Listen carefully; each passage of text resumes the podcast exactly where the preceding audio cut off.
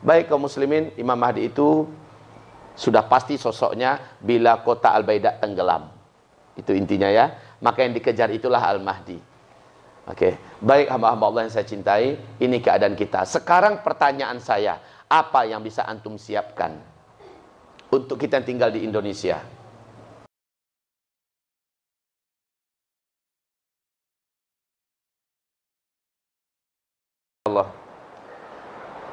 Dua ustadz yang bicara tentang akhir zaman bertemu. Allah Subhanahu wa taala menunjukkan betapa materi ini paling Allah ridhoi untuk disampaikan. Menjelang kiamat kata Rasulullah SAW, tidaklah terjadi kiamat sampai terlebih dahulu akan menjadi langkah dai-dai dan ulama yang menyampaikan tentang tanda-tanda akhir zaman kepada umatku. Ketika Dajjal keluar, sudah tidak ada lagi dai dan ulama yang membicarakan tentang Dajjal di mimbar-mimbar. Nah, ini kelangkaan ini bukan berarti tidak ada, tetap ada tapi tidak banyak. Di seluruh negara saya perhatikan, baik Indonesia, hanya beberapa orang yang bisa saya ingat namanya. Ustadz Ihsan Tanjung, Ustadz Rahmat Baikuni, Ustadz Alfian, uh, Ustadz uh, Abu Fatihah Al-Nani, dan hamba Allah Zulkifli Muhammad Ali. Ya tidak berapa banyak orang-orang yang menyampaikan tentang tanda-tanda akhir zaman. Ada satu hal Ustadz yang agak saya perhatikan, di mana-mana daerah yang kita datangi dan kita berbicara kepada mereka tentang akhir zaman, Allah datangkan hujan di daerah itu pada waktu kita ngaji. Itu sering terjadi. Dan Masya Allah, ini sangat yakin bahwa apa yang kita lakukan ini, materi yang kita angkat ini adalah materi yang sangat diridhoi oleh Allah Subhanahu wa taala. Baik, kita bukan mencari popularitas tidak ada hal-hal sensasi yang mau kami sampaikan. Kami hanya mengingatkan bahwa kita sudah di akhir zaman. Kita tidak pernah menyampaikan tanggal dan tahun kecuali kalau ada hadis sahihnya. Kita tidak berani mengatakan sesuatu itu dengan kalimat pasti kecuali bagi kami hanya cukup menyampaikan tanda-tandanya. Ini hadisnya, ini faktanya. Ini dalilnya dan riwayatnya statusnya begini, ini realitanya. Hanya itu yang bisa kita sampaikan. Jadi Ustaz ke Al-Aqsa kemarin. Hah? Oh Januari. Ya. Saya sudah pulang dari Al-Aqsa. Alhamdulillah dengan nikmat Allah. Saya bawa istri bersama 96 orang jamaah. Apa yang selama ini saya sampaikan sementara saya belum melihat. Hanya melihat di YouTube, hanya mendengar orang yang pulang. Langsung saat itu saya menyaksikan dengan mata kepala sendiri. Apa-apa yang saya ceritakan. Baik tentang Syam secara umum atau Palestina dan juga tentang uh, Bukit Tursina. Ada apa dengan Bukit Tursina di akhir zaman? Saya lihat, saya dekat, menggigil saya dan dengan di depan jamaah kami menangis bersama-sama di lembah Tursina. Lembah di mana Allah berbicara dengan Nabi Musa alaihi salam. Lembah di mana nanti Dajjal juga Allah haramkan dan tak bisa masuk ke dalam lembah itu.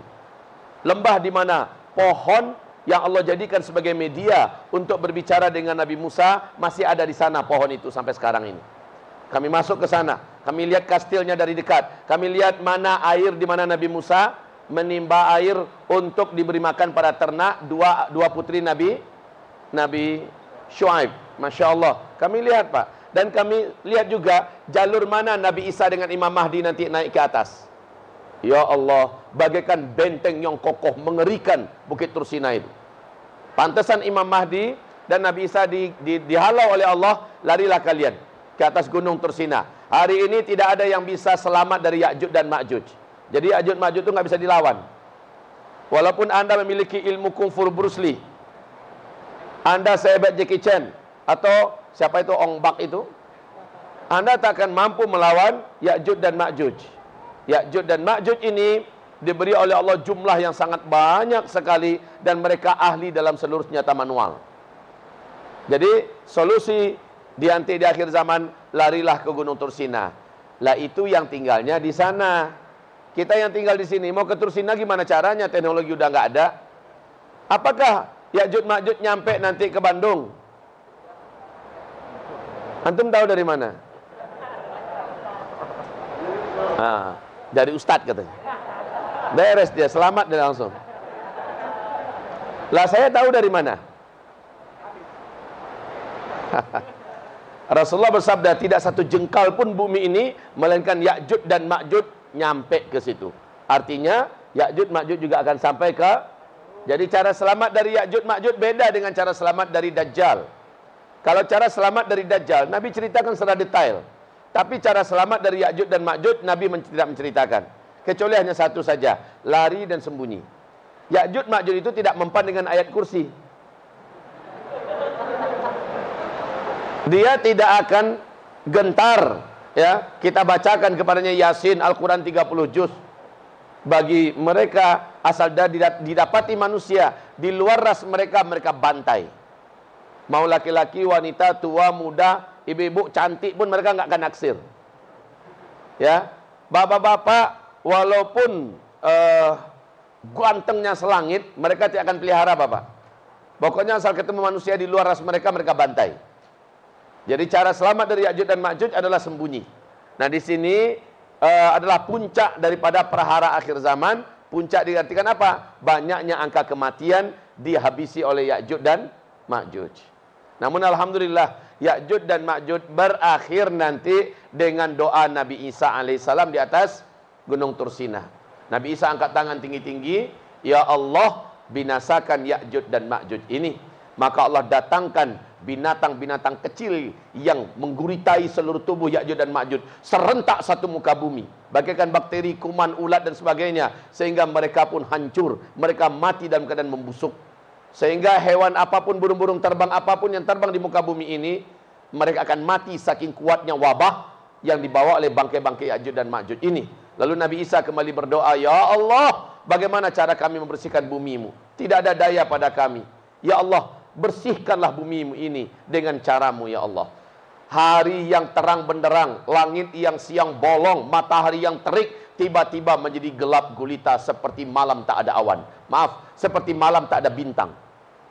Gelap gulita. Apa yang terjadi? Rasul bersabda sallallahu alaihi wasallam, turun dari langit burung-burung yang sangat banyak berlapis-lapis. Burung itu lehernya saja mirip bentuk lehernya dan besarnya dengan leher-leher onta. Burung tersebut menukik ke bumi, berlapis-lapis. Saking tebalnya lapisan-lapisan burung ini, tidak ada satu pun celah matahari bisa masuk ke bumi. Gelap gulita mendadak. Dan setiap burung mengambil bangkai-bangkai Ya'juj dan Ma'juj dan dibawa pergi. Kalau Bapak Ibu bertanya, Pak Ustadz, di manakah Allah simpan sekarang burung-burung yang begitu besar dan banyak? Jawabannya, entah. Allahu a'lam. Tak ada riwayat yang menceritakan di mana Allah simpan burung-burung itu sekarang. Itu bukan urusan saya. Ke mana bangkai-bangkai Ya'jud Ma'jud dibawa Ustaz? Entah. Saya juga tidak tahu. Allahu a'lam. Yang jelas riwayatnya ada. Burung ini datang, mengambil bangkai-bangkai dan dibawa pergi. Kembalilah langit menjadi terang. Tapi serpian-serpian ulat yang berserakan pecahan-pecahan daging bangkai Ya'juj Ma'juj yang ada di muka bumi busuk bumi ini menyebabkan Nabi Isa kembali mengangkat tangannya ke langit ya Allah ya Allah turunkan hujanmu bersihkan bumimu ya Rabbana maka tiga hari berturut-turut Allah turunkan hujan tiga hari berturut-turut sisa-sisa bangkai, ulat-ulat, serpen-serpen daging membusuk Ya'juj Ma'juj dibawa oleh air hujan ini menuju ke laut dan dihabisi oleh ikan-ikan yang ada. Kemudian bumi menjadi steril kembali dan bersih, terang benderang. Maka mulai saat itu manusia memasuki fase kelima. Fase kelima secara total dan maksimal Islam kembali memimpin seluruh dunia dengan sistem khilafah Islamiyah ala minhajin nubuwah. Baik saudara-saudaraku, sambil saya bicara ini bisa bantu dihapus dulu.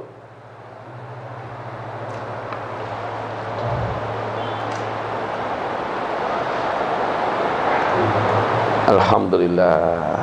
Ini akan jadi kenang-kenangan yang berharga buat kita semua. Pas kita kajian hujan lebat turun. Alhamdulillah.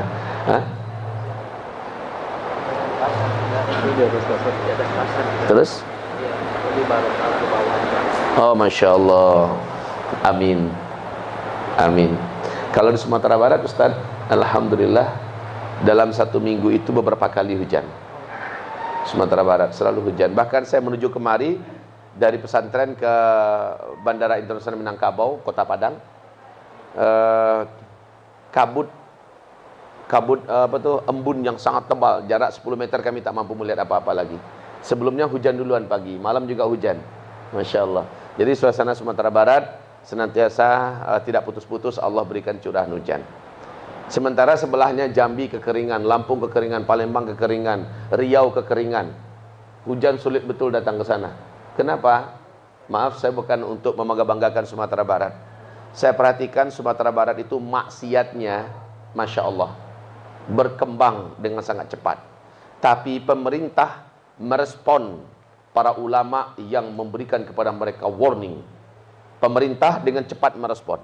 Kemudian tokoh-tokoh masyarakat juga menyambut sehingga bahu-membahu serentak memadamkan semua peluang-peluang maksiat yang ada kita atasi bersama-sama. Ini yang menjadikan kami sangat yakin Allah masih menahan bencana kekeringan dan bencana yang lain saat ini selama amar bil ma'ruf nahi anil munkar masih tetap tegak. Apalagi dipimpin oleh pemerintah dan para ulama. Nah dalam hal ini polisi, pol pp dan lain-lainnya juga kompak. Ini yang kita senangi di sana itu dan kita berharap hal yang sama bisa ditiru oleh provinsi-provinsi yang lain hendaknya. Ya, termasuk Bandung ini. Saya dengar Bandung sekarang dengan Bandung dulu beda sekali. Bandung sekarang memang jadi lumbung maksiat dan dosa. Ada yang tersinggung? Benar atau salah? Benar. Saat ini menjelang Dajjal keluar, seluruh bumi sudah penuh dengan kemungkaran, dengan fawahish, seluruh muka bumi. Nah, tergantung bagaimana orang beriman di sana meresponnya. Apakah mereka menegakkan amar bil ma'ruf nahi anil munkar apa tidak? Jika mereka menegakkan, Allah Subhanahu wa taala memending, dipending dulu. Tapi kalau mereka tidak tegakkan, prinsip mereka udahlah, jangan recokin urusan orang lain. Itu ham. Kalau dia buat dosa, tanggung dosa sendiri oleh mereka. Yang penting kita jaga diri, keluarga kita dijaga-jaga, jangan buat dosa. Kalau sudah begitu prinsipnya, maaf, Allah tidak kagum melihat jidat kita yang hitam karena banyak sujud. Allah tidak kagum melihat perut kita yang kempis karena banyak puasa sunat. Allah tidak kagum melihat mulut kita yang berbusa saking banyaknya zikir dan baca Quran. Allah tidak kagum melihat sedekah kita yang berserakan di mana-mana. Allah tidak kagum melihat kita yang soleh secara pribadi sementara kita-kita diam membisu ketika melihat kemungkaran terjadi di tengah masa, di tengah masyarakat dan kita tidak berbuat. As-sakit anil munkar syaitan akhras.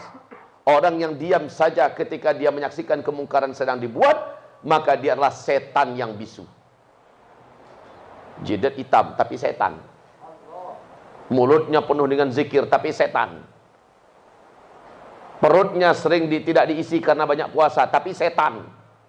Siapa yang bilang setan tadi? Yang bilang setan Uzma apa Rasulullah? Rasulullah SAW. Mau tersinggung, tersinggung pada Rasul. Jangan kepada Uzma. Uzma hanya bacakan hadisnya saja. Jadi tidak boleh kita melihat kemungkaran yang ada diam saja itu tidak boleh. Enggak Ustaz, enggak akan ada perubahan Ustaz. Kewajibanmu adalah menyampaikan.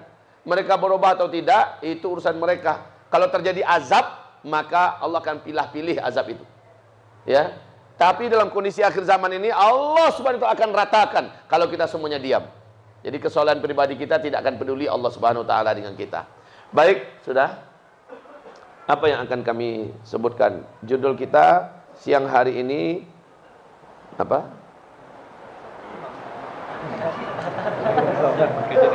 iya, kajian akhir zaman. Ya, usah usah akhir zaman semua sini. Udah pasti kajiannya akhir zaman. Panitia gimana? Hah? Oh, terserah aja. Ya, kalau gitu ya udah terserah saya lah.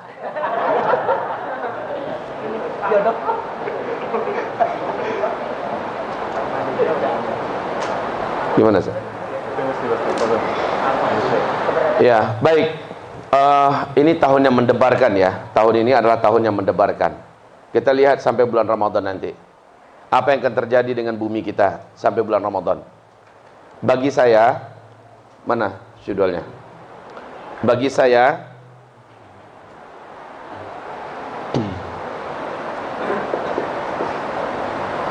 huru hara dan keributan di seluruh muka bumi. Kemudian kekeringan di mana-mana. yang menyebabkan kepada kekurangan pakan di muka bumi. Kemudian terjadinya kemeratanya kemusyrikan. Kemusyrikan. Banyaknya munculnya secara terang-terangan kemunafikan. Dan orang-orang munafik inilah yang orang-orang yang positif dari umat Nabi Muhammad yang akan menjadi penyembah-penyembah Dajjal nanti ketika Dajjal muncul. Kemudian banyak sekali yang murtad. Banyaknya orang-orang murtad dari umat Nabi Muhammad sallallahu alaihi wasallam. Kemudian pada zaman ini pula terjadi kehancuran ekonomi global. Kehancuran ekonomi global di mana memaksa manusia kembali menggunakan emas sebagai mata uangnya. Kehancuran ekonomi global. Kemudian pada zaman kita ini juga akan terjadi bencana-bencana alam yang paling besar. Bukan bencana-bencana alam biasa ya, bencana-bencana alam yang paling paling besar. Pada zaman kita ini pula akan terjadi pembantaian karena perut. Pembantaian di mana-mana wakasurul haraj. Karena perut, karena perut, karena tanah, karena kawasan ya seperti yang terjadi Wamena, pembantaian di mana-mana. Disebut dengan haraj. Pada zaman kita ini pula, pada masa kita ini, ini akan serentak terjadi, betapa mengerikan. Perang dan perang. Ini adalah tahun-tahun perang. Perang dan perang. Di mana-mana di seluruh dunia. Dan pada puncaknya nanti akan terjadi di masa kita ini hujan meteor hujan meteor. Maaf, ini ada yang harus saya tambahkan kemusyrikan, kemunafikan, kemurtadan plus maksiat maksiat yang besar-besar oleh seluruh umat-umat celaka dahulu yang diazab oleh Allah pada masa kita ini akan dibuat serentak. Sehingga alasan Allah untuk menurunkan azab sudah tidak ada lagi. Alasan Allah untuk tidak menurunkan azab sudah tidak ada lagi. Allah akan turunkan sebagaimana azab dahulu yang Allah datangkan kepada kaum nabi-nabi yang umatnya dibinasakan oleh Allah. Hujan meteor juga akan terjadi pada masa kita. Nah, kehancuran teknologi seluruh dunia. Musnahnya teknologi, kehancuran dan kita akan kembali ke zaman di mana Rasulullah SAW dan para sahabat menggunakan pedang, tombak, panah dan kendaraan kembali kepada kuda. Baik ya, kehancuran teknologi Nah, barulah tanda besar kiamat yang pertama dukhon. Walaupun dalam hal ini saya dengar-dengar ceramahnya guru kita Ustadz Rahmat Baikuni beda dengan saya. Bagi saya nggak ada masalah. Yang penting sama-sama percaya dukhon ada. Bila beda nggak ada masalah.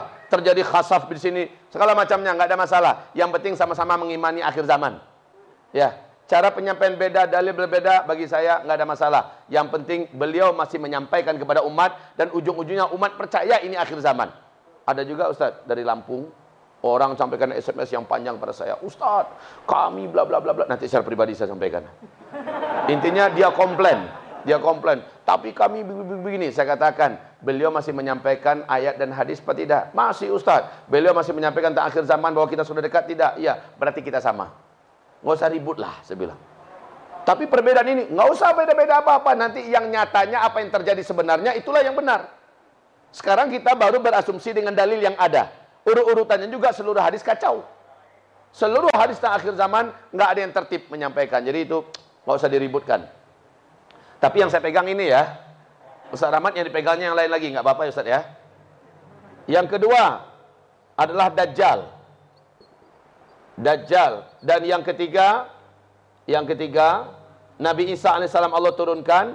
Dan yang keempat barulah Ya'jud dan Ma'jud. Ya'jud dan Ma'jud. Ini seluruhnya terjadi ini yang seluruhnya ini seluruhnya terjadi di fase kita fase keempat. Fase kita fase keempat. Kan kita menjalani lima fase. Fase pertama fase kenabian. 23 tahun lamanya Fase kedua fase khilafah Rashidah ala minhajin nubuwah. Selama 30 tahun. Fase ketiga adalah fase khilafah dengan sistem kerajaan. Mulkan abdan atau mulukan adudah. Itu selama 1227 tahun lamanya. Kemudian fase keempat, fase kita sekarang. Fase di mana Islam sedang tidak memimpin dunia. Fase Islam diperangi, kaum muslimin di dunia dizolimi. Inilah fasenya. Fase keempat. Di fase ini kita menemukan ini dan dan kondisinya makin bertambah berjalan waktu ke depan bukan makin ringan tapi makin meningkat, makin tajam. Uh, huru hara dan kezaliman ya. Huru hara dan kezaliman. Kemudian tentang kekeringan, saya berani mengatakan startnya 2019. Berakhir nanti 2022. Ya, ini berakhir. Berakhirnya ini dengan Allah munculkan Dajjal di sana. Ustaz, kalau begitu Dajjal muncul di tahun ini Ustaz. Saya katakan Allahu a'lam. Cuma tiga tahun menjelang Dajjal keluar, ada tahun-tahun kemarau di muka bumi. Dan menurut hadis-hadis Nabi SAW, perjalanan yang akan kita saksikan ke depan bukan makin menurun atau standar, menengah. Tapi terus meningkat tajam ke atas. Baik kaum muslimin, maksiat, kezaliman dan seterusnya, ini yang akan kita saksikan.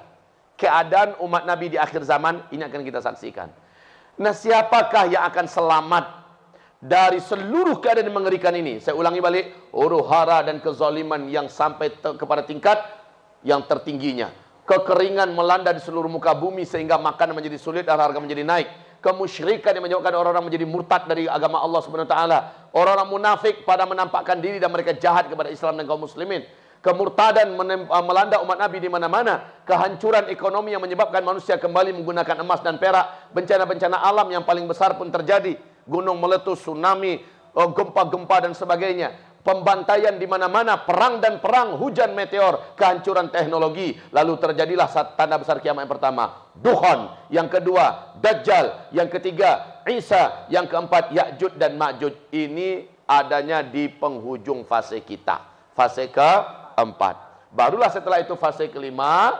Fase kelima, khilafah Islamiyah ala minhajin nubuwah kembali wujud. Ini janji Allah di Al-Quran surat An-Nur ayat 55. Tidak bisa dibantah ini.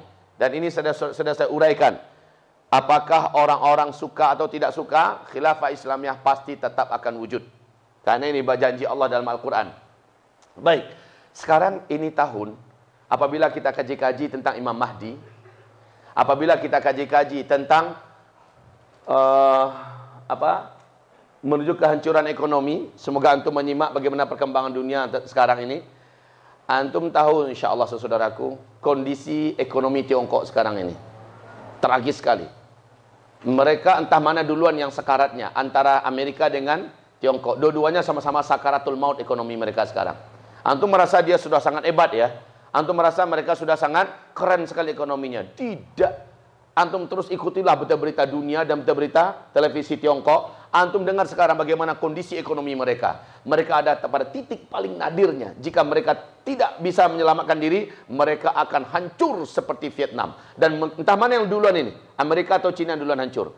Makanya dalam pertemuan NIC di New York di bulan Februari 2012 di mana dikatakan oleh 15 negara terkuat yang memiliki uh, intelijen terbaik di dunia meyakini Amerika dan China tidak akan mampu memimpin dunia di atas tahun 2020.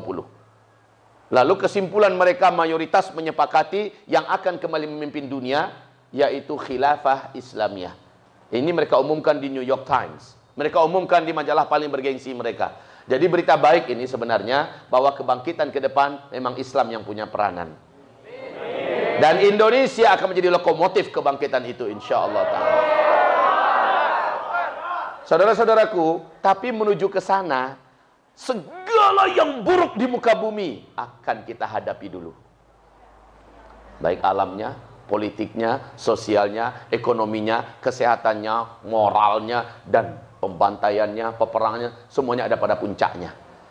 Saudara-saudaraku yang kami muliakan. Oleh karena itu, ada tidak indikasi jelas agar kita ini, jadi saya berharap Ustadz, ini tidak lagi hanya sebatas wacana antum ngaji-ngaji, ngaji-ngaji. Udah bukan saatnya lagi hanya sekedar ngaji.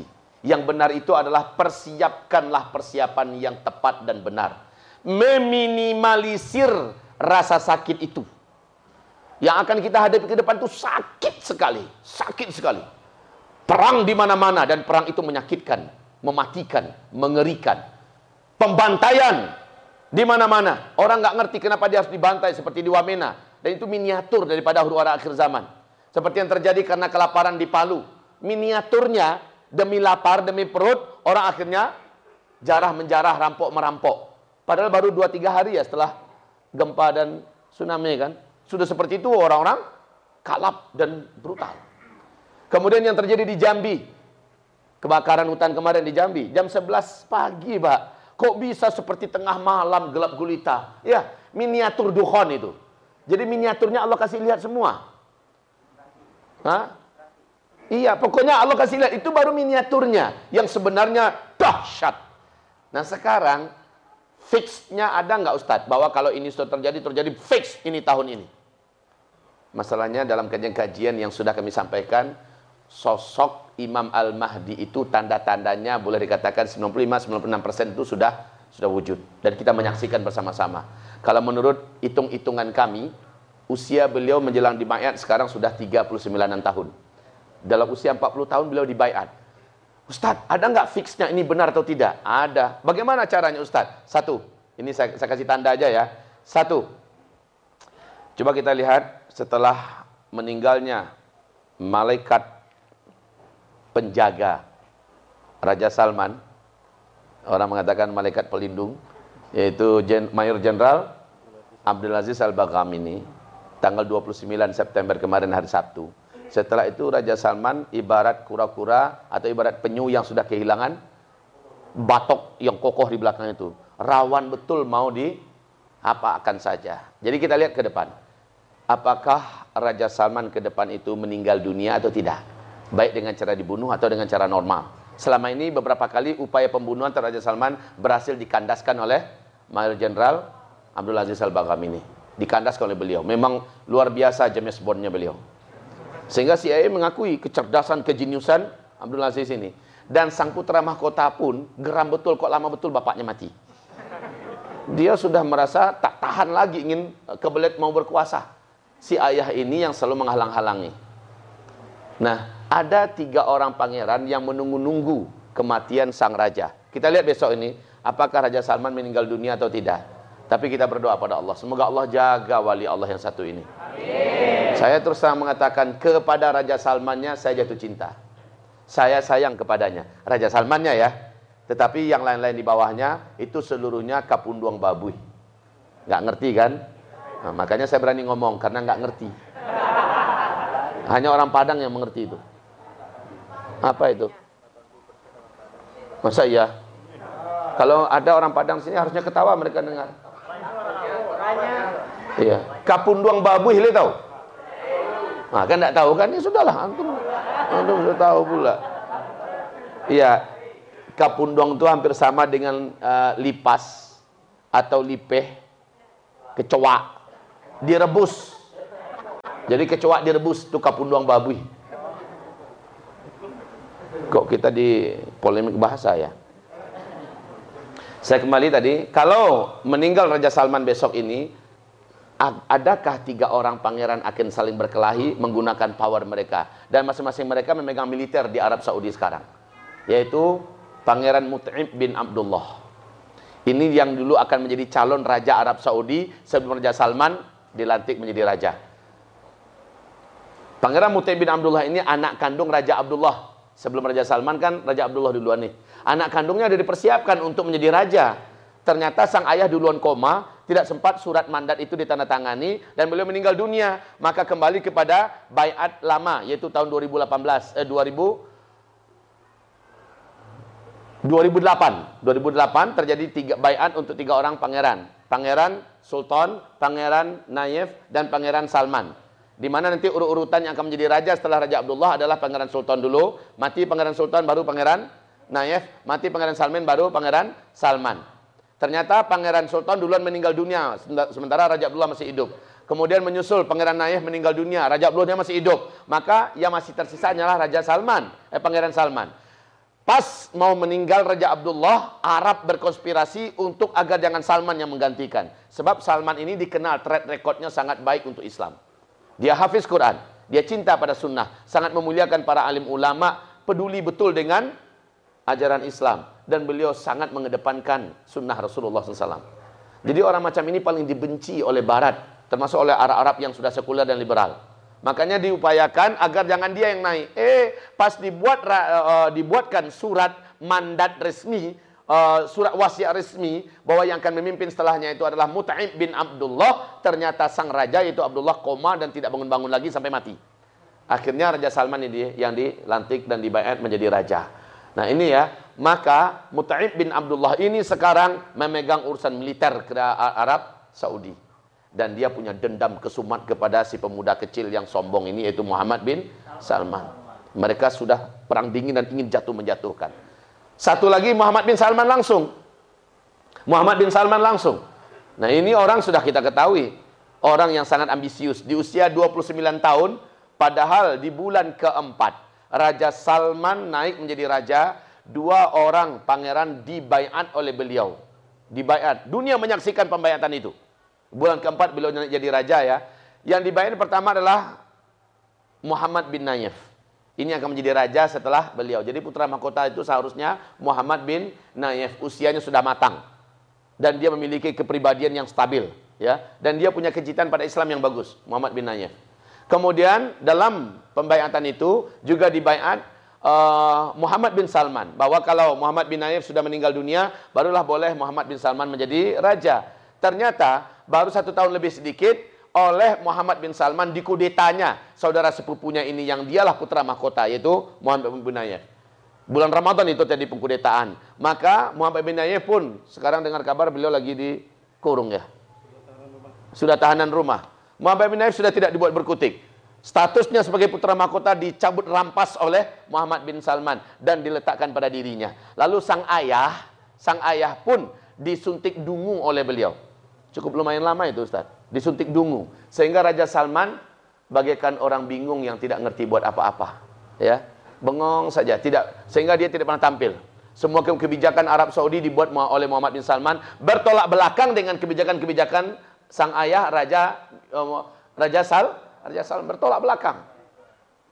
Nah, kaum muslimin yang kami muliakan, nah, ini Muhammad bin Nayef ini. Sebelah kanan ini Muhammad bin Nayef, itu yang Muhammad bin Salman. Sekarang itu masih muda sekali itu Muhammad bin Salman itu. Masih muda sekali, jenggot menang di jenggot aja dia. Ya, badannya juga lebih besar. Kalau kumpul saya bertiga, ah dia satu orang baru pas. Dia badannya besar dan tambun. Tapi dia tamak sekali dan ambisius. Baik kaum muslimin yang kami muliakan, di tangannya Arab Saudi sekarang berubah menjadi negara liberal. Di tangannya Arab Saudi dijadikan sebagai negara yang cinta dosa dan maksiat. Ini luar biasa. Tetapi yang dilakukannya itu percepatan wujudnya hadis Nabi SAW di akhir zaman. Ya, menjelang terjadinya gempa-gempa akan terjadi dosa-dosa dan maksiat yang dibuat oleh penguasa Mekah Madinah seperti Yahudi dan Nasrani sehingga terjadilah gempa-gempa dahsyat. Oke? Ini yang kedua Muhammad bin Salman. Yang ketiga adalah Khalid. Ini Khalid bin Talal wala Khalid bin Abdullah. Khalid bin Farhan. Urini aina surah. Hadha huwa. Ini pangeran Saudi serunkan kudeta. Ada ini yang di di Jerman. Ini yang di Jerman. Ya. Baik kaum muslimin yang kami muliakan. Jadi tiga pangeran ini sudah perang dingin sekarang. Mereka hanya nunggu Raja Salman mati. Kalau sudah Raja Salman mati, mereka akan berebutan kekuasaan. Maka tidak seorang pun di antara mereka yang akan mendapatkan kekuasaan itu. Sebab kekuasaan nanti pada masa itu, kata Rasulullah, akan dipegang oleh keturunan kandungku. Yaitu Muhammad bin Abdullah al-Mahdi. Kalau begitu udah dekat ya. Iya, makanya dan syaratnya kata Rasulullah zuhurul mahdi inda ikhtilafi ummati waz zalazil. Al-Mahdi itu muncul ketika terjadi perselisihan perebutan kekuasaan dari kalangan umatku yang menguasai Mekah Madinah. Wazalazil. Dan pada masa itu juga terjadi gempa-gempa. Ingat, gempa-gempa menurut konsep ahlus sunnah wal jamaah adalah bila negeri-negeri Islam sudah berbuat dosa maksiat terbuka dan terang-terangan. Pernah zaman Nabi gempa terjadi. Nabi letakkan telapak tangannya di atas bumi dan berkata sambil menepuk-nepuk dan melelus bumi. Bukan sekarang, belum sekarang wahai bumi, jangan sekarang. Maka bumi pun kembali tenang. Itu ya, kalau terjadi gempa Bapak jangan buat pula macam itu. Level dan makom Bapak dan saya belum nyampe ke situ. Ya, kalau terjadi gempa lari dari gedung-gedung yang tinggi itu yang benar. Jangan pegang pula bumi sok sok Nabi Muhammad pula. Bumi jangan sekarang, bom mati dah.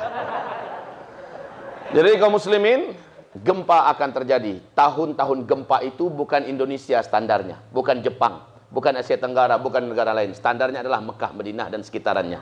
Kalau sudah terjadi tahun-tahun gempa, maka berarti bersamaan pada tahun itu terjadi perebutan kekuasaan. Jadi itu yang pertama ya.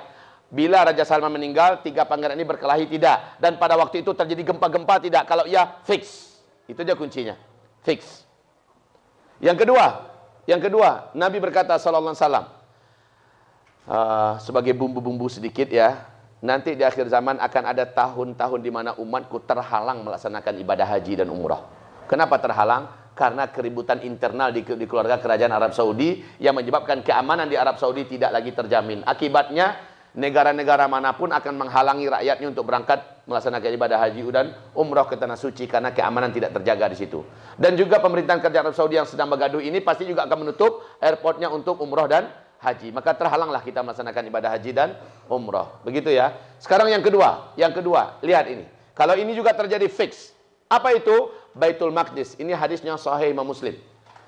Baitul Maqdis diumumkan nanti berdiri khilafah Islamiyah di sana. Hai Ibnu Hawalah, bila engkau mendengar khilafah Islamiyah dikumandangkan nanti di akhir zaman, maka hijrahlah engkau ke Palestina. Bumi teraman dan terbaik saat itu adalah Palestina. Dan kharabu Yathrib, saat itu Yathrib sedang hancur dan chaos. Yathrib itu Madinah.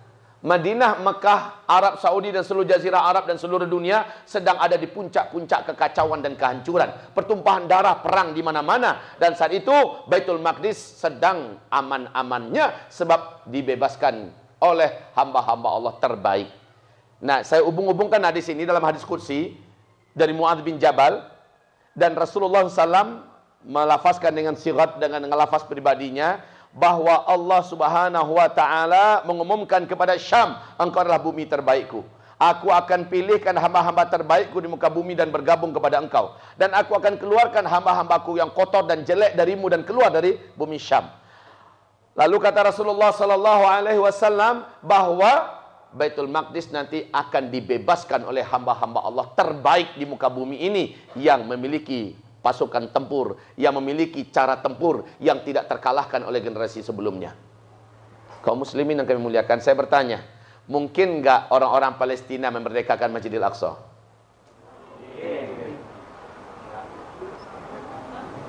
Kalau sekarang nggak mungkin. Saya sudah datang dari sana. Saya masuk, saya sudah kembali dari sana. Saya lihat dari dalam. Sangat sedih hati ini ulama-ulama di Palestina itu hampir-hampir tidak ada lagi yang masih hidup. Ulama-ulama di Arab Saudi yang masih hidup dipenjarakan, disiksa dan banyak dibunuh. Sekarang yang tinggal di Palestina adalah pemuda-pemuda yang hampir kehilangan identitas. Style mereka, gaya mereka, pola mereka dan sebagainya sudah mirip dengan Eropa dan Barat. Hanya di Gaza yang masih sedengar adanya militansi yang terjaga. Jadi kalau mereka yang akan membebaskan Masjidil Aqsa, kecil harapan saya. Dan itu terjawab Pak dengan membaca surah Al-Isra. Ternyata firman Allah, kami datangkan hamba-hamba kami uli baksin syadid. Kami datangkan, berarti bukan dari Palestina, tapi dari luar Allah datangkan. Nah hadis yang sangat banyak tentang ashab rayatis sud.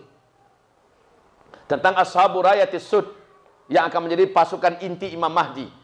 Rasulullah berkata dengan ciri-ciri fisik mereka. Ciri-ciri fisik mereka Nabi ceritakan. Mereka jangkung-jangkung. Mereka kurus-kurus. Mereka berakhlak seperti ini. Dan mereka memiliki hati seperti gunung. Seandainya mereka melewati sebuah gunung dan mereka ingin memindahkan gunung itu pasti mereka akan pindahkan. Mereka memiliki kepribadian mendekati kepribadian para sahabat. Rasulullah bersabda, mereka petempur yang tidak terkalahkan. Mereka punya cara tempur yang belum pernah ada manusia sebelumnya bisa bertempur seperti mereka. Dan mereka selalu mengalahkan dan tidak terkalahkan. Ciri-ciri mereka, pakaiannya Nabi sebutkan, sorbannya Nabi sebutkan. Maaf kalau begitu, saya bertanya kepada kita semua, karena kita merasa agak sedikit kepedean kalau kita lah yang dimasuk dengan pasukan bendera hitam itu. Yang akan menjadi pasukan Imam Mahdi. Dulu saya juga berpikir seperti itu. Tapi setelah saya telusuri hadis-hadis dari Nabi Nabi Muhammad SAW ini dan saya lihat ada apa dengan Emirat Islamiyah Taliban yang ada di Afghanistan? Saya pelajari. Baik postur mereka, baik kepribadian mereka, baik pakaian mereka, sorban mereka, dan kepandaian dan keahlian mereka dalam bertempur.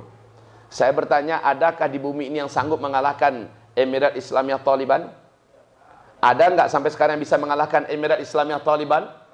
Dulu ketika dunia negara superpowernya masih dua, sebelah timur adalah Uni Soviet beruang merah, sebelah barat adalah Amerika Serikat. Uni Soviet mencoba membunuh, menghabisi dan menghilangkan dari muka bumi Emirat Islamiyah Taliban. Lalu eh, Uni Soviet harus menanggung akibatnya. Hancur berkeping-keping dan mereka tidak bangkit lagi sampai sekarang. Yang masih terkuat dari Uni Soviet adalah Rusia. Lalu setelah Amerika menjadi negara superpower tunggal satu-satunya di dunia, Amerika mengajak sekutu-sekutunya yang bisa diajak. Dari NATO dan lain-lainnya diajak mengoroyok rame-rame Emirat Islamiyah Taliban. Seluruhnya akhirnya mundur. Baik mundur dalam keadaan KO atau mundur dalam keadaan TKO. Tinggal Amerika yang mencoba bertahan dalam keadaan malu. Seluruh asetnya, seluruh kekuatannya, seluruh energinya, seluruh potensinya tersedot habis ke Afghanistan. Dan dia tidak dapatkan apa-apa kecuali kerugian yang sangat besar. Setiap pasukan yang pulang dari perang dari Afghanistan, pasukan itu stres, Pak. Di balik ke tanah airnya stres. Ya. Hancur maknawiyat pasukan Amerika setelah pulang melawan pasukan Mujahidin Emirat Islamiyah Taliban. Akhirnya sekarang ini pemerintahan boneka Tali, uh, Afghanistan yang ada setelah ditinggalkan oleh sang tuan tidak berkutik apa-apa lagi maka resmilah Emirat Islamiyah Taliban mengibarkan bendera syariat Islam total berjalan secara penuh dan mereka sekarang sedang menghimpun seluruh potensi yang ada untuk menegakkan kembali pilar-pilar khilafah Islamnya. Dan mereka mempersiapkan pasukan khusus untuk dikirimkan ke negeri Syam. Kalau orang sekaliber mereka ini yang akan dikirim, antum percaya enggak kalau pembebasan Masjidil Aqsa itu akan terwujud? Negara sekuat Uni Soviet hancur, Amerika hancur, Inggris, Prancis, Jerman semuanya lewat oleh mereka. Jadi kalau mereka masuk ke mana-mana negara dengan dalam keadaan lenggang kangkung dan busung dada itu mah pantas. Karena memang mereka petarung yang sudah teruji. Lawan mereka bukan ecek-ecek, lawan mereka tidak tanggung-tanggung. Beruang merah dengan paman Sam. Dua-duanya hancur dan tumbang di tangan mereka. Mereka memiliki daya tempur yang belum pernah ada manusia sebelumnya seperti mereka. Dan sekarang saya yakin bila mereka sudah meluncurkan pasukan ke sana. Nanti bersatu dengan 20 ribu pasukan dari Aden. Yaman meluncur ke negeri Syam. Maka mujahidin-mujahidin terbaik yang ada di Syam juga bersatu dengan mereka. Inilah yang akan membebaskan Masjidil Aqsa nanti insya Allah Ta'ala. Jika demikian, berarti Al-Aqsanya terlebih dahulu harus dikuasai oleh musuh. Alhamdulillah, si Donald Bebek sudah mewujudkannya. Ya, Donald Trump lah yang merampas Yerusalem. Betul Maqdis ini. Dia merampas dan mengumumkan bahwa Baitul Maqdis, Yerusalem adalah ibu kotanya Israel. Berarti Baitul Maqdis Masjidil Aqsa resmi dijajah kembali oleh musuh Allah dan musuh kita. Nah, nanti akan dibebaskan oleh hamba-hamba Allah yang terkuat dan terbaik. Siapa yang terkuat? Dari Indonesia. Saya bertanya, antum jangkung-jangkung atau pendek-pendek? Satu. Yang kedua, sorban antum seperti apa? Mereka sorbannya hitam-hitam. Ciri khas pakaiannya Nabi sebutkan, pakaian mereka melewati lutut-lutut mereka. Apakah seperti itu pakaian kita? Jadi bukan kita ya, walaupun kita oh mengibarkan bendera hitam la ilaha illallah lalu kita yakin kitalah pasukan itu. Kemudian mereka selalu bertempur dan tidak pernah dikalahkan. Emang antum tempur terus? Yang terjadi 2122 antum malah bonyok-bonyok. Ya. Jadi maaf itu bukan kita saudaraku, bukan kita. Kita harus jujur mengatakan itu bukan kita. Walaupun begitu, umat Nabi Muhammad pilihan dari Indonesia nanti, insya Allah akan ada yang menjadi pasukan Imam Mahdi nanti. Tapi bukan pasukan inti. Mungkin kita tukang bawa periuknya. Jadilah, Alhamdulillah. Mungkin kita tukang bawa liwaknya, benderanya. Iya, tukang masaknya. Tapi antum jangan salah-salah. Saya dengar kabar, mujahidin-mujahidin yang datang dari Indonesia bergabung dengan Syam, ternyata itu mujahidin yang juga sangat disegani. Anak-anak muda kita yang dikirim ke sana itu memiliki daya tempur yang juga sangat mengagumkan orang-orang Eropa. Bahkan orang tempatan kagum sekali. Kamu pendek-pendek tapi gesit dan lincah. Tenaga kamu juga kuat. Ya, walaupun kita ini pendek-pendek, gesit-gesit, ya. Uh, wajahnya cuma pas-pasan seperti ini. Ternyata ketika dibawa ke pentas internasional bisa dipakai juga kita. Jadi insya Allah jangan minderan lah. Kemarin Ustaz ada yang nanya, Ustaz Zul nanti kalau Imam Mahdi sudah keluar bawa dong kami. Jawaban saya adalah mau ikut. Iya Ustaz. Baik. Syaratnya yang pertama pastikan bahwa iman dan tauhid antum itu sudah benar. Yang kedua, pastikan antum menjaga sholat lima waktu berjamaah di masjid. Yang ketiga, pastikan antum itu ahli tahajud, ahli duha, dan melaksanakan selalu menjaga sholat sunat qabliyah dan ba'diyah. Yang keempat, antum rajin sholat puasa Senin Kamis. Yang kelima, hafalan Al-Quran antum makin nambah. Dan yang keenam, fisik antum harus dapat diandalkan. Fisiknya, lari satu kilometer nggak boleh berhenti. Push up seratus kali jangan berhenti. Berenang satu kilometer juga teruskan. Ya, habis itu memiliki kelihatan fisik mampu bela diri dengan baik. Baik bela diri ground, gulat, atau kungfu tangan kosong, atau senjata-senjata manual. Jadi kita harus harus tangkas. Kemudian antum naik kuda dengan kelajuan maksimal, antum harus sudah bisa menyabitkan pedang ke kiri dan ke kanan. Baru saya bawa, saya bilang. Kalau enggak, belum bisa, janganlah. Antum akan jadi beban bagi kami nanti. Ada bu, Gayanya maco, hebat banget pas naik kuda pucat. Pucat. Pak, pak, stop, pak, stop. Nggak bisa yang kayak gitu. Imam Mahdi itu pasukannya adalah pasukan yang serba unggul dalam hal apa saja. Unggul di ibadah, unggul di iman, dan unggul di fisik. Unggul di ketangkasan. Apa pun senjata yang ada di sekitarnya bisa menjadi senjata mematikan. Dapat pentungan-pentungan itu akan lebih lebih berbahaya daripada pedang. Dapat toya, toya itu akan menjadi lebih mematikan daripada AK-47. Masya Allah. Kalau dia punya panah, maka panah itu betul-betul melesat dari tubuhnya dan mengenai target yang dengan tepat. Jadi begitu Pak. Jadi saya katakan, antum saya tes. Naik kuda, kudanya dilepas, antum harus lepas tangan, kemudian lepaskan panah-panahnya. Lulus, nggak jatuh, dan targetnya kena, antum saya bawa, saya bilang. Tapi kalau enggak, ya nggak bisa. Hah?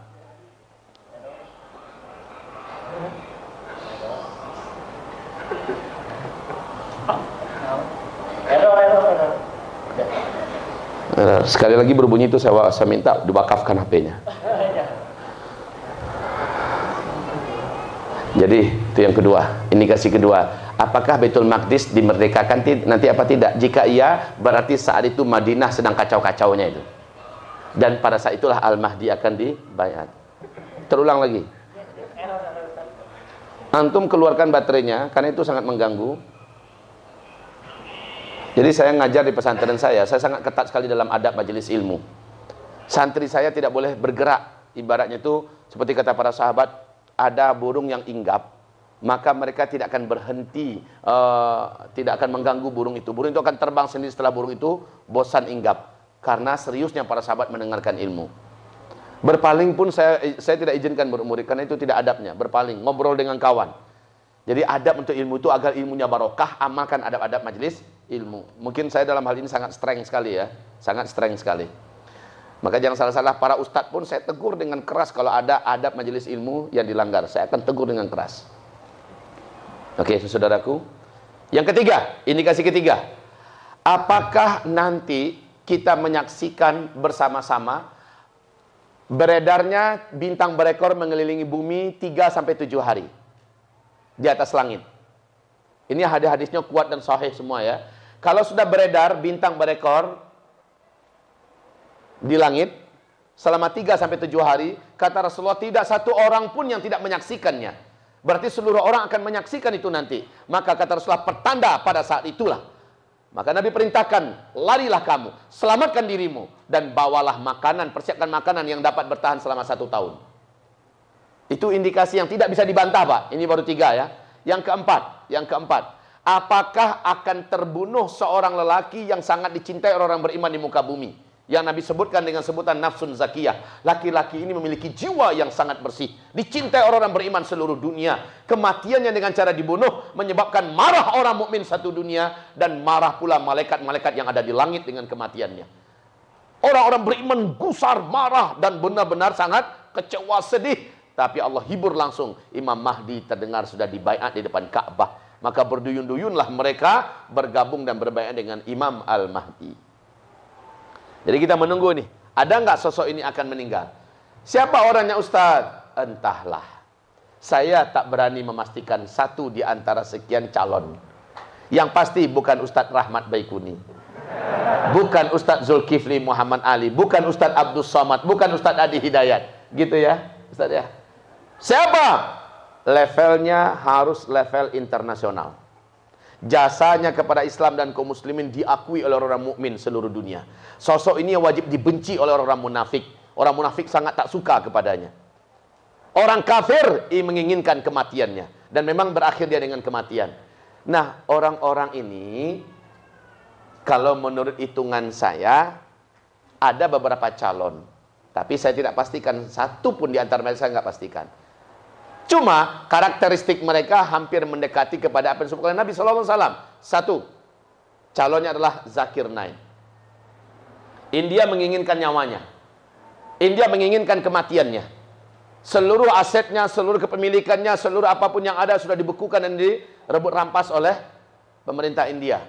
Dan beliau sudah diminta. Untung kemarin Najib kalah yang di Malaysia dan Mahathir Muhammad naik. Mahathir Muhammad pasang badan tidak akan menyerahkan Zakir Naik sampai kapan pun. Alhamdulillah. Yang kedua, ini orang juga sangat dibenci oleh PBB. Dunia menyaksikan bahayanya lisannya. Sebab melalui lidahnya jutaan orang masuk Islam. Melalui lidahnya seluruh agama yang lain yang selain pada Islam bisa dirontokkannya dengan fakta-fakta, dalil-dalil yang tidak terbantahkan. Zakir Naik memang penuh barokah. Ini manusia incredible man in the world saat ini. Yang kedua, sosok yang juga diinginkan kematiannya. Dan ini juga dibenci oleh musuh-musuh Islam. Siapa? Orang yang paling dicari-cari oleh Presiden Sisi. Presiden yang telah mengkudeta Presiden Mursi sebelumnya. Siapa dia? Presiden Persatuan Ulama Seluruh Dunia. Yaitu Profesor Dr. Yusuf Al-Qardawi. Eksistensi beliau mengguncang dunia. Fatwa-fatwa beliau akhir-akhir ini yang sudah merambah kepada masalah politik, yang merambah masalah militer, yang merambah masalah akhir zaman menyebabkan dunia sekarang ini yang khususnya yang sedang memimpin dunia, penjahat-penjahat ini sangat benci dan geram dengan beliau. Sehingga sisi mentargetkan siapa yang bisa menangkapnya hidup atau mati untuknya sekian miliar. Apakah ini orangnya? Allahu alam. Yang ketiga, sosok yang juga punya peluang untuk dibunuh. Siapa orang yang ketiga ini? Dia adalah Najib Tayyip Erdogan. Semua kita sudah tahu bagaimana sepak terjang beliau membuat rasa izah dan harap kita itu masih ada dan masih muncul, ya kan? Inilah dia seorang presiden rasa khalifah.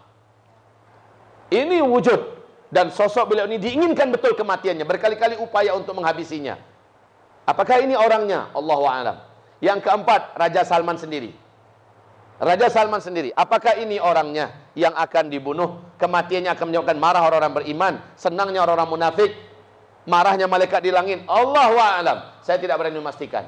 Yang kelima, siapakah sosok yang kelak akan memimpin, uh, yang kelak akan menjadi simbol bagi munculnya Imam Mahdi dengan cara kematian dan dia dibunuh? Yang kelima ini adalah keturunan kandung Rasulullah SAW yang menginspirasi kebangkitan Islam di seluruh dunia. Pusatnya Indonesia dan sekarang beliau ada di Mekah. Habibuna Habib Rizik Syihab. Apakah ini orangnya? Man of the Year 2016? Saya tidak bisa memastikan. Saya tidak bisa memastikan. Saya dan saya sangat setuju dengan Ustaz Rahmat Baikuni. Beliau berharap seandainya memang takdir Allah Habibuna Habib Rizik tidak bisa kembali ke Indonesia Padahal perjuangan beliau, kerinduan beliau, keinginan besar beliau siap mengorbankan apa pun untuk kembali. Tetapi tetap saja tertahan di Arab Saudi hari ini. Bila memang ini adalah skenario Allah Subhanahu wa taala agar salah satu di antara ulama dunia yang berkumpul di Mekah yang tidak ada janjian di antara mereka, mereka yang akan berbayan kepada Imam Mahdi mewakili kaum mukminin mukminat yang ada di negara masing-masing. Saya berharap mudah-mudahan itu adalah Habibuna Habib Rizik Syihab hendaknya beliau. Bisa jadi keberadaan beliau ditahan oleh Allah agar beliau yang akan ikut membaik itu nanti. Masya Allah. Lima orang ini, manakah satu di antara mereka? Jawabannya Allahu a'lam. Kalau ada sosok yang lain, bisa jadi. Yang penting dia harus famous. ke level seluruh dunia. Jasanya pada Islam dan kaum muslimin sangat nyata dan sosok ini sangat dibenci oleh orang kafir musuh-musuh Allah dan orang-orang munafik. Jadi sudah berapa indikasi fix tadi? Sudah berapa? Sudah berapa baru? Lima apa empat? Saya ulangi, mati Raja Salman, tiga orang pangeran berkelahi memperebutkan kekuasaan. Yang kedua, oh ya langsung disambung dengan gempa-gempa di Arab Saudi. Itu harus ada itu gempa-gempa.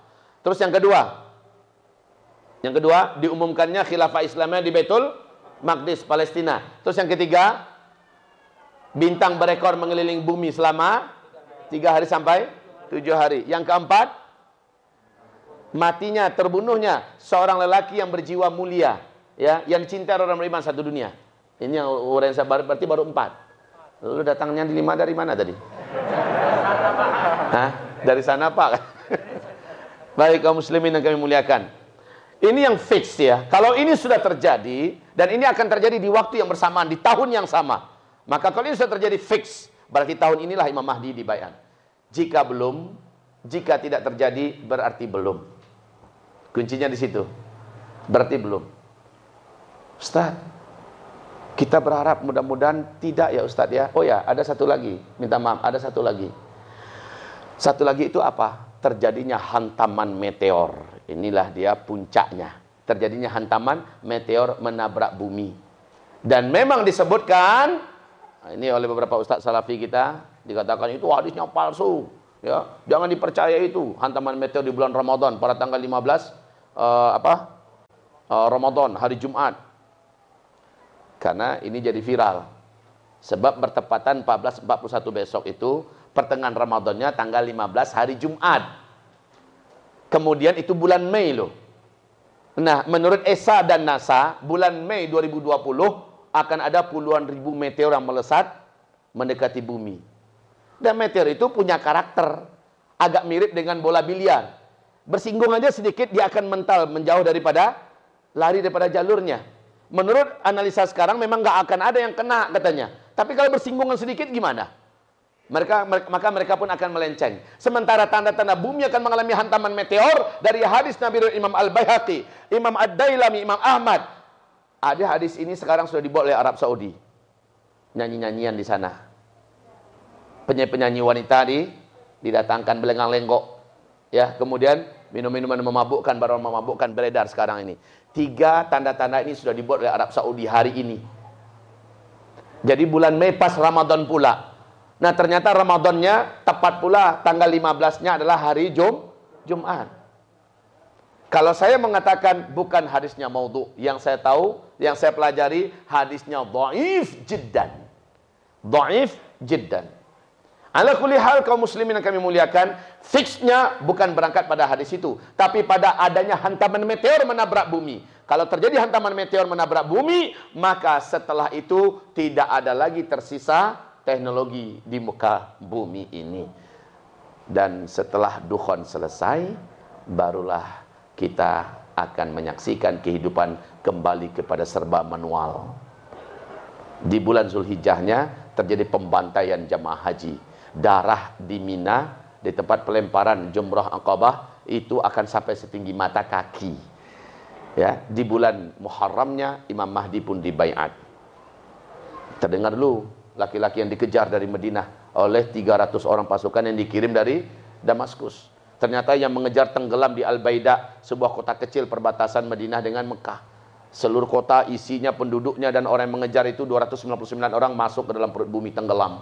Satu orang yang selamat dan inilah yang mengabarkan ke mana-mana bahwa kami tenggelam.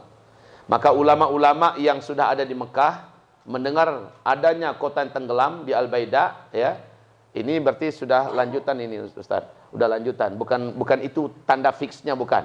Ini udah lanjutan. Tanda fixnya adalah kematian Raja Salman, kematian Raja, kemudian tiga orang pangeran dan gempa itu tanda fixnya. Kalau ini sudah pasti itu tanda apa? Yang Al-Baida itu bahwa laki-laki yang dikejar itulah Al-Mahdi. Kemarin kan ada ada uh, orang-orang mengaku-ngaku sebagai Imam Mahdi di Mekah kan? Tahun 89 ya. Iya 89 kan ngaku-ngaku sebagai Imam Mahdi. Belum. Al-Mahdi itu muncul ketika yang mengejarnya dari Damaskus tenggelam di Al-Baida. Ah itulah dia yang dikejar itulah Al-Mahdi. Sekarang ngaku-ngaku Al-Mahdi, ada yang di Medan ngaku-ngaku Al-Mahdi. Ada itu. Ada di YouTube peringatan untuk Uzma. Berani betul Uzma ini katanya. Dia tidak percaya dengan pimpinan kita yang akan menjadi Al-Mahdi di medan ini. Hai Uzma, datanglah anda. Berdialoglah dengan imam kami katanya. Apa kata saya ini nggak ngurus orang kayak gini-gini, nggak usah diurus nih. Banyak sekali yang ngaku Imam Mahdi. Pernah Lia Eden juga ngaku sebagai Imam Mahdi. Ya. Baik kaum muslimin, Imam Mahdi itu sudah pasti sosoknya bila kota Al-Baidah tenggelam. Itu intinya ya. Maka yang dikejar itulah Al-Mahdi. Oke. Baik hamba-hamba Allah yang saya cintai, ini keadaan kita. Sekarang pertanyaan saya, apa yang bisa antum siapkan untuk kita yang tinggal di Indonesia? Ilmu, antum sudah nuntut ilmu sekarang. Dan Allah kasih rezeki kepada antum semua. Ustaz Rahmat Baykuni di sini. Dan beliau memberikan kajian tentang akhir zaman. Kalau ilmu sudah. Ustaz Ihsan Tanjung juga Masya Allah. Tidak berhenti, tidak penat-penat menyampaikan kajian.